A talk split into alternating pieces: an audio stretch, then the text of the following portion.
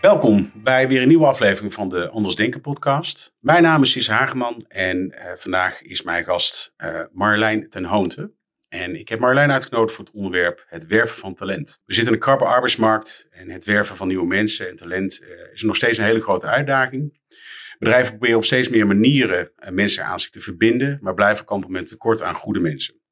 Om het onderwerp met dit verder te bespreken ehm, hebben wij Marjolein uitgenodigd. Welkom Marjolein. Dankjewel. Um, nou ja, stel jezelf even voor. Mhm. Ik ben Marjolein ten Hoonte. Ik werk voor de Randstad Groep Nederland. Daar hou ik mij louter bezig met arbeidsmarktontwikkelingen.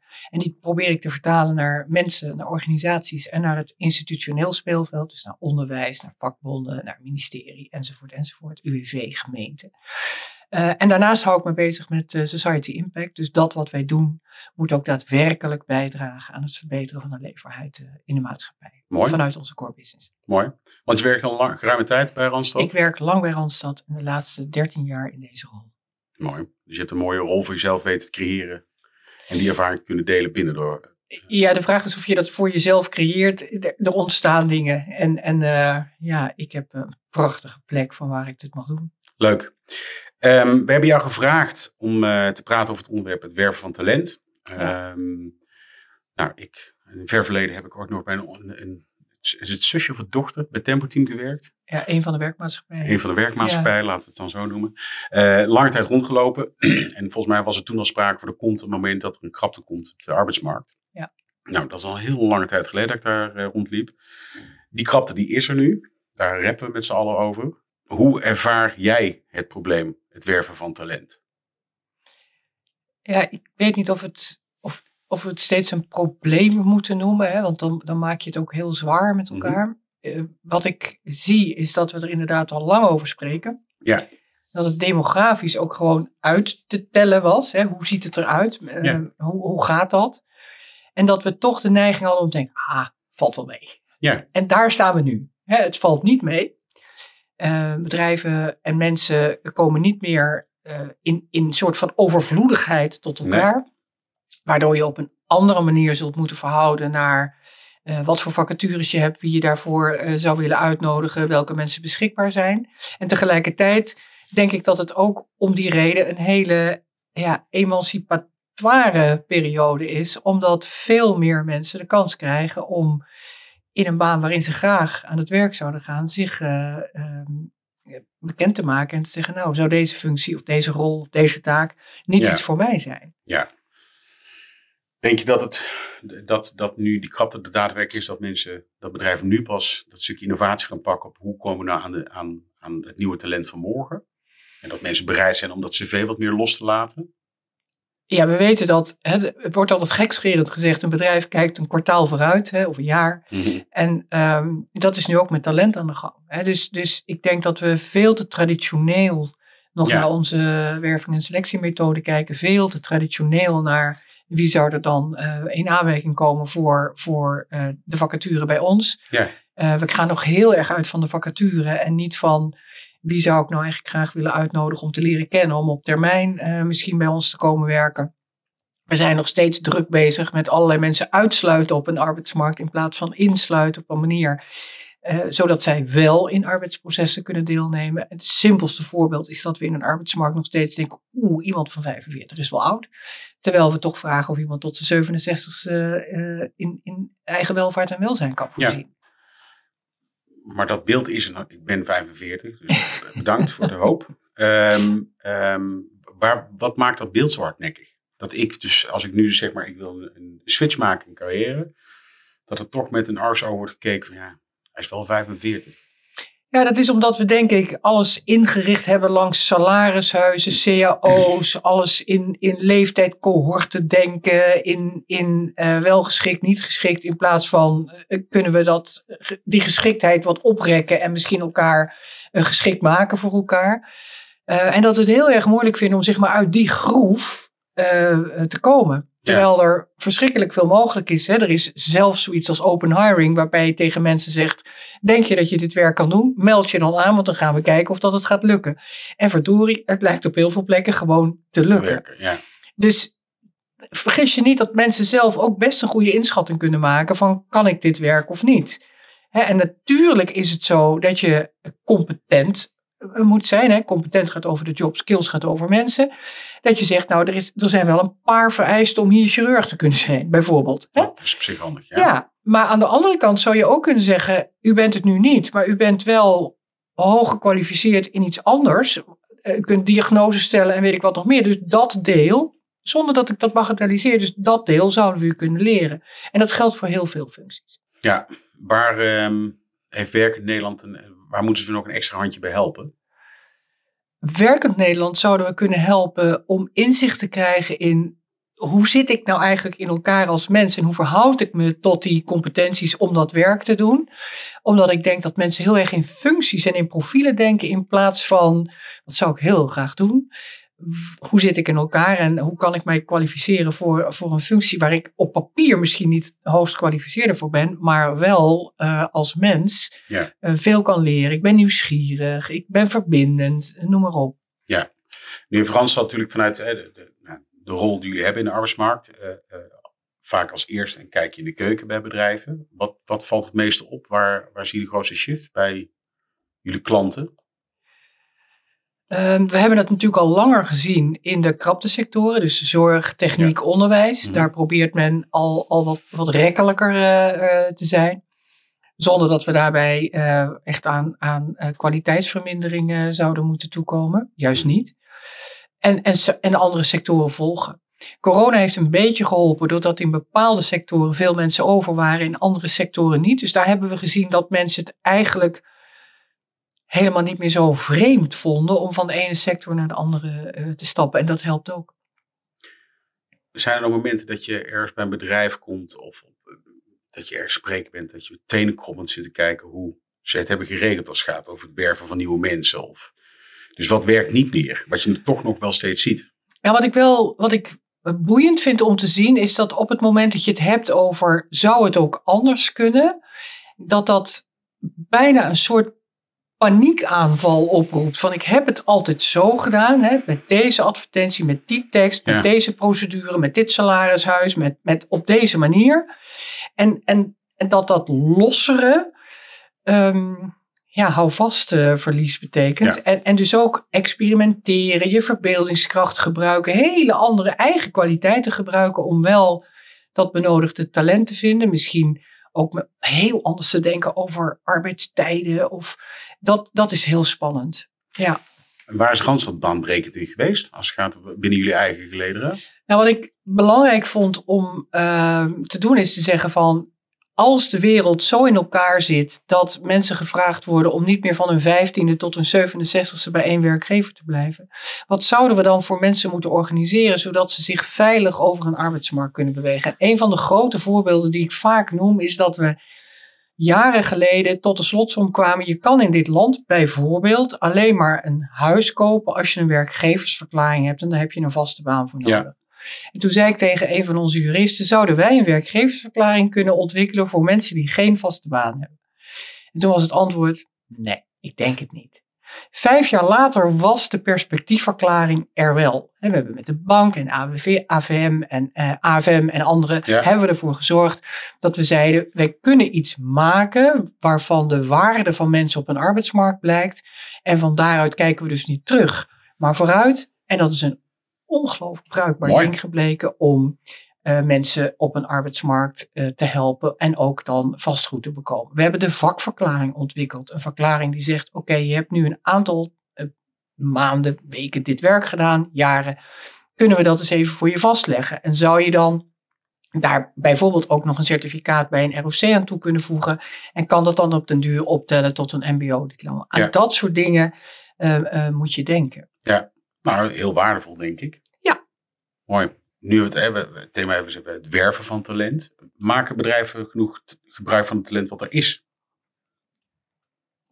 Ik denk dat eh, talent as such te weinig eh, bewust is van het feit dat je met het talent wat er ook is, eh, leert. En er is nu veel onderzoek wat zegt, maak, een, maak vrienden op je werk. Omdat Mhm. dat de vertrouwenwekkende omgeving is waar je belangrijke zaken uit je leven zou willen delen.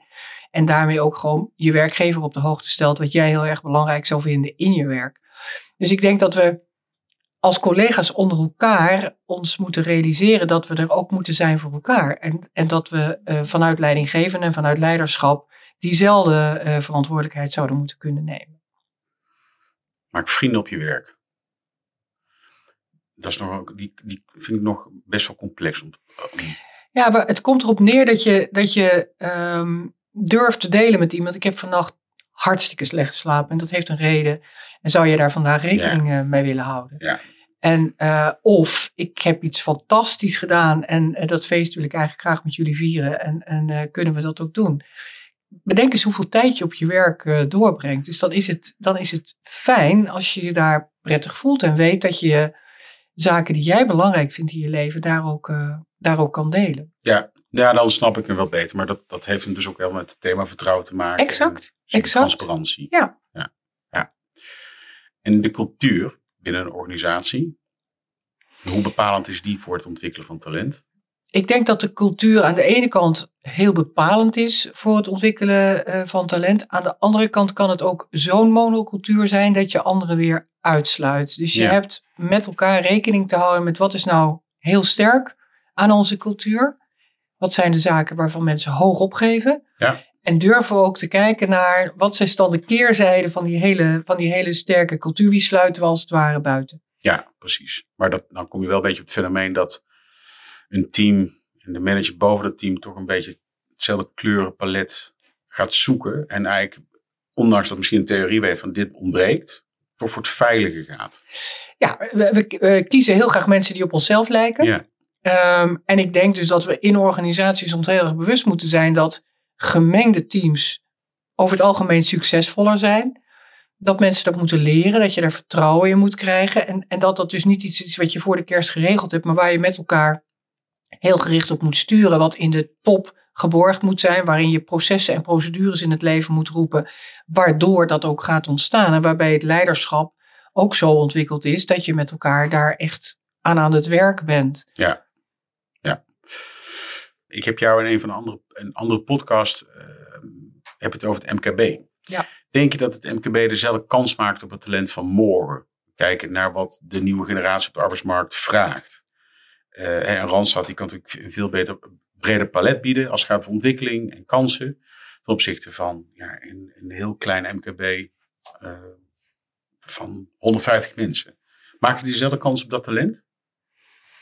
Als MKB andere dingen in de etalage zet, namelijk veel gerichter op het talent van vandaag en morgen. Dat zijn mensen die eh, echt willen weten waar het bedrijf voor staat, die eh, haast hebben in hun carrière, die het belangrijk vinden dat ze gezien worden, dat ze met elkaar ook zijn. En dat zijn nou typisch dingen die kleinere bedrijven heel goed in zich hebben. Eh, en als MKB-bedrijven eh, beter zouden samenwerken op dat talent, soms misschien ook talent zouden delen, dan denk ik dat ze net zo aantrekkelijk, misschien wel aantrekkelijker zouden kunnen zijn dan, eh, dan grote bedrijven. Ja, want jij noemde een voorbeeld dat je bijvoorbeeld met een, een, een, eh, ehm, een gezamenlijk aantal bedrijven één accountant zou nemen. Ja, dat, dat, dat he- hebben we wel eens geopperd. Hè. In België ken je gedeeld werkgeverschap. Ja. Waarbij je zegt, als je nou een, een hele hoog gekwalificeerde ICT'er, accountant of noem een beroep nodig hebt. Dan zou je kunnen overwegen, is dat in mijn bedrijf aantrekkelijk genoeg? Kan ik die kwaliteit krijgen? Of ben ik op zoek naar, eh, kan ik dat delen met andere bedrijven? En dan zou dat gedeeld werkgeverschap, zowel voor de kandidaat als voor het bedrijf, enorm veel op kunnen leveren. Ja, het is een interessante gedachtegang in ieder geval. Dat je maximaal gebruik maakt. Ja, en bovendien daag je iemand ook Ja, optimaal uit. Ja, precies. Ja. Ehm, dat MKB, want dat, dat, is van de, ja, een hele grote populatie in Nederland. Ehm, ehm, durven die voldoende te investeren? Of zijn ze misschien bang dat als ik nu investeer, dan is iemand over drie jaar weer weg. Dus ik doe het maar niet. Eh, hoe kijk jij daarna? Ehm, dat, hangt altijd, dat hangt nog steeds boven de markt. Hè. Dat, dat, ja, leid ik niet op voor de buurman. Ja, Investeer ik niet op voor de buurman. We moeten ons realiseren dat 70 tot 80 procent wat iemand leert, leert hij door te werken. Dus dat kan bij elk bedrijf. Ehm, op het moment dat we allemaal investeren in onze medewerkers, dan is, dan is het een balans. Hè? Maar op het moment dat het scheef is, namelijk ik doe het wel en jij doet het niet, Mhm. ja, dan kun je daarover klagen. Dus mijn pleidooi is, dat elke werkgever die in zijn medewerkers investeert, bijdraagt aan die uh, opwaardering van onze beroepsbevolking en daarmee het beter in balans brengen van de, kwali de kwaliteit van die beroepsbevolking. Ja, dat is overstijgend heel mooi gezegd, maar de, de MKB'er die met ja. die ene professional zit, die net heeft opgeleid tot procesoperator B en daar ja. een hoop geld voor heeft betaald, die is natuurlijk als de dood dat hij vertrekt. Ja. Dus hoe zorg je dat het uh, eigenlijk vanaf het moment dat je investeert in iemand, dat het een win-win is? Wat, wat, wat voor soort voorwaarden zouden moeten stellen? Nou ja, je zou kunnen kijken of je dat niet veel meer onderdeel kunt maken van je, van je uh, arbeidsvoorwaarden hè? En, en van het goede gesprek. Namelijk, ja. uh, dit gaan wij doen. Kan ik op je rekenen? Het is helemaal geen gekke vraag. Kan ik op je rekenen? En um, door dat gesprek te voeren en dan uit te wisselen op basis waarvan iemand vindt dat je dan ook op hem kan rekenen, dan kun je volgens mij van tevoren daar prima afspraken over maken. Dus weer vertrouwen. Ja, dat is eigenlijk helemaal niet zo ingewikkeld dus. Nee, volgens mij is het ook niet zo ingewikkeld. maar wat maakt dat we het zo ingewikkeld... Uh, uh, ja, die, we, we, creëren het wel, die Om, moeilijkheid. Ja, omdat we uh, heel erg zijn gaan leunen op het systeem. He, dus we hebben allerlei systemen in het leven geroepen... Waarom, waarvan we nou denken, nou, nu, nu komt het goed. Ja. Maar uiteindelijk gaat het natuurlijk om de leefwereld. Het gaat om... Gaat iemand hier naar volle tevredenheid werken? Voeren wij dat goede gesprek? Voelt iemand zich serieus genomen? Um, en, en om niks anders. Voer jij nog uh, functioneringsgesprekken? Nee, wij, wij hebben die uh, geskipt en wij hebben het over great conversations. Dus ja. wij, wij voeren gesprekken over hoe gaat het met jou, hoe gaat het in je werk. En um, dat, dat, dat blijkt toch echt wel iets te zijn wat je met elkaar moet leren. Ja, ja wat, waar blijkt dat, dat je het moet leren? Nou, je moet, je, moet, je, je moet elkaar bij de les houden. Hè? Dus je moet regelmatig deze conversation hebben met elkaar, dat gesprek. Uh, je moet zorgen dat het niet altijd maar over dat werk gaat, maar dat het ook gaat over jou in je werk Mhm. en in relatie tot hoe gaat het dan verder met je en, en, en waar droom je van, wat zit er dwars. Dat soort gesprekken moet Ja. je durven voeren met elkaar. We hebben het in de voorbeschrijving kort gehad over generaties. Eh, ik had over generatie Z. Daar had jij, wat, wat was daar jouw antwoord ook alweer op? Van, geloof je nou wel of niet dat het, gaat het om generatie of de tijdsgeest waar iemand in opgroeit? Uh, wetenschappelijk Mhm. bestaan generaties niet. Hè? Dat Dat, heb ik laatst nog even getoetst bij een wetenschapper en die greef, uh, schreef met een smiley terug: nee, generaties bestaan niet. Leeftijdscohorten, levensfase natuurlijk wel. Hè? Mhm. Ik bedoel, kijk even wat er in Turkije nu gebeurt. Mensen zullen zich herinneren wat er is gebeurd en dat maakt zo'n indruk op je. En, en er gaat wederopbouw plaatsvinden en daar gebeurt iets mee, Ja. net als bij ons na oorlogs. Ja. Ehm, dus nee, wetenschappelijk bestaan generaties niet. Er zijn ook net zoveel verschillen tussen leeftijdscohorten hè, eh, als, als erbinnen. Mhm. Maar het zijn wel mensen met wensen en eh, eh, een tijdsgeest waarbinnen je kunt zeggen, ja, zij vinden andere zaken belangrijk dan, dan ik als boomer. Ja. Ja. En ehm, jij als boomer, want ik heb toevallig met mijn eh lieftallige collega's van de markt en communicatie over gehad, dat ik ben de generatie X, eh, om dat toch maar even de generatie, eh, de tijdspad te benoemen. Ehm, ehm, voor mij was, na, nadat je klaar was met school, dan ging je werken. Je ging vijf dagen werken. Als ik dat vraag en ik ben 25 jaar, nee, vier dagen. Ja. Werk-privébalans is belangrijk. Gezonde jaloezie, vragen. Ik heb er allerlei dingen bij, maar het, het is, was voor mij niet vanzelfsprekend. Ehm, kunnen, zijn, zijn bedrijven veerkrachtig genoeg om om te gaan met die wensen van die nieuwe generatie? Want die, dat is wel de generatie die de arbeidsmarkt gaat eh, domineren. Ja, dat gaat blijken. Kijk, ehm, ik denk wel dat we uit een tijd komen dat het ons verschrikkelijk goed ging, verschrikkelijk Ja. voor de wind ging. Ehm, die generaties stappen nu eh, de arbeidsmarkt eh, op. Ehm, en op enig moment gaan zij ook die arbeidsmarkt vormen. Hè? Dus Ja. dat hebben wij ook gedaan. Wij werkten allemaal meer dan eh, vijf dagen soms in onze banen. Ehm, ik denk dat zij het zo belangrijk vinden dat zij met werkgevers erover in gesprek gaan en dat er allerlei arrangementen mogelijk zijn.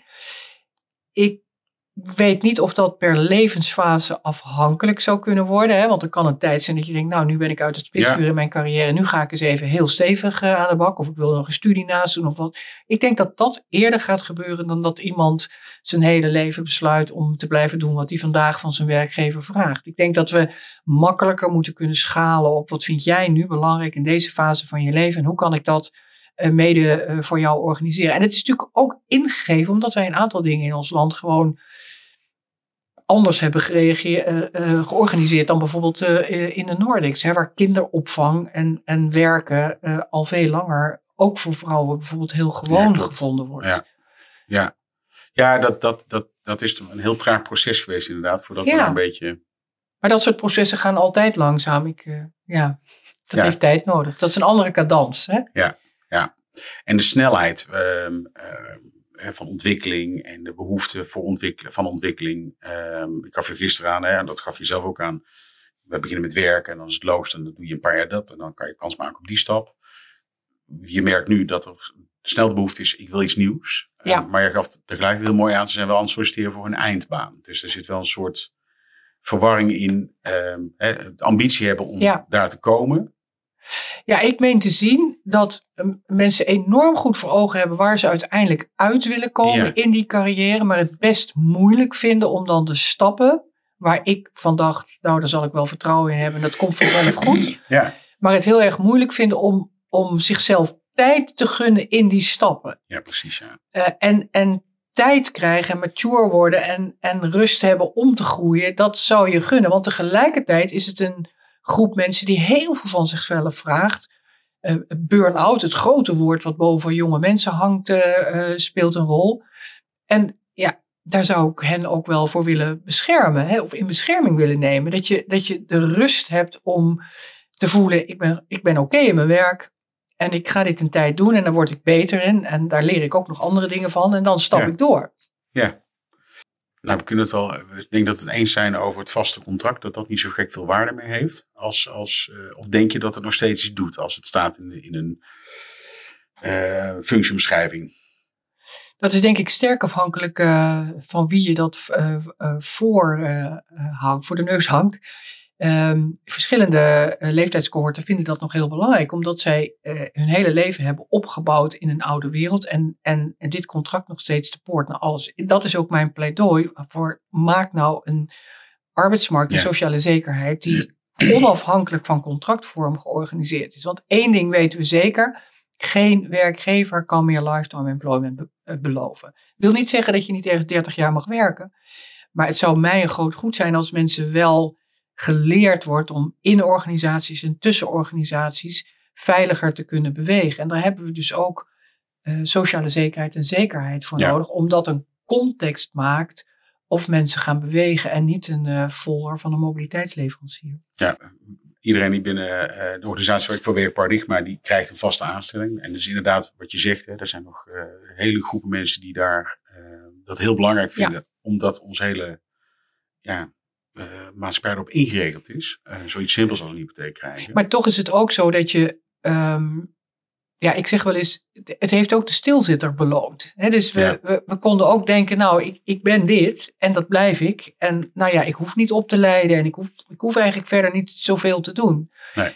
En uh, ik heb leiding gegeven aan het outplacement en reintegratiebedrijf binnen onze organisatie. Ik heb gezien dat in heel veel carrières dat moment wel komt dat je gevraagd wordt om, als gevolg van allerlei veranderingen in de organisatie of omdat het ergens gewoon helemaal niet goed gaat, gevraagd wordt om van baan te wisselen. Ja. En, en de diepe rouw waarmee dat gepaard gaat, dat geeft mij altijd aan. Daar zitten voor- en nadelen aan. Je creëert hele loyale medewerkers. Absoluut. Maar je creëert ook de, ja, de zittenblijvers. Je creëert de zittenblijvers en je creëert ook een, een gevoel van ik, ik, ik kan niet. Hè? Een Ja. soort van, van ja, tentakels aan een stoel van een octopus van ik kan niet. En dat kan wel. Ja. Eh, alleen dan hebben we als werkgever en als vakbond en als gemeente en als UWV ons te verhouden tot.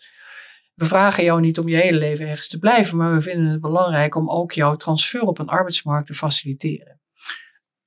Wat maakt dan dat jij al zo lange tijd bij Randstad eh, eh, jouw geluk vindt?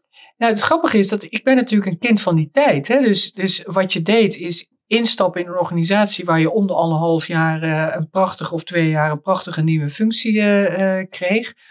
Dat is ook iets wat, wat een organisatie tot op zekere hoogte heel veel goed doet. Hmm. Ehm, ik ben altijd wel me heel erg bewust geweest dat het moment kon komen dat ik gevraagd werd om te stappen of dat ik zelf zou Ja. willen stappen. En dat, dat is twee of drie keer heeft dat eh, plaatsgevonden in mijn carrière.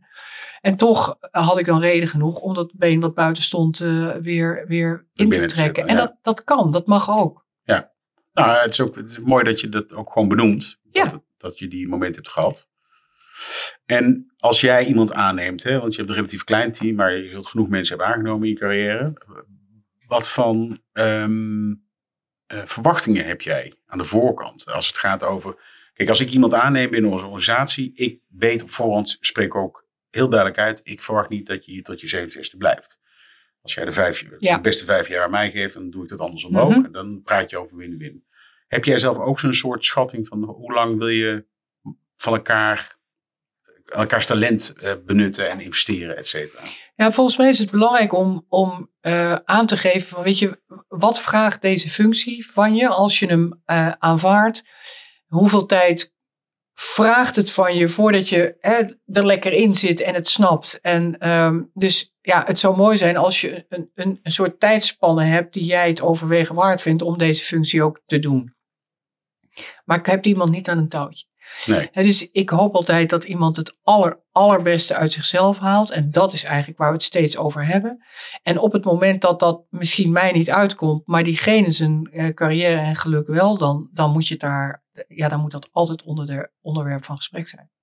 Mooi. Om af te ronden, Marlijn, zou ik jou graag nog eh, willen vragen of jij nog. Is er, is er een gouden formule voor BV Nederland waar ze rekening mee moeten houden als het gaat over het werven van een nieuwe talent? Poeh, de gouden formule. Ik, ik denk dat de gouden formule is dat je heel goed laat blijken waar sta ik als organisatie voor, wat vind ik belangrijk en op welke manier passen jouw talenten daarbij. En dat hoeft niet een enorme één op één fit te zijn, want onderweg gaan we gewoon nog heel veel leren van elkaar. Ja, mooi. Dankjewel. Graag gedaan. En eh reuze interessant onderwerp. En ik ben benieuwd eh, ehm, als we elkaar voor vijf jaar weer spreken, wat de markt dan doet. Dat gaan we doen. Dankjewel. Dankjewel.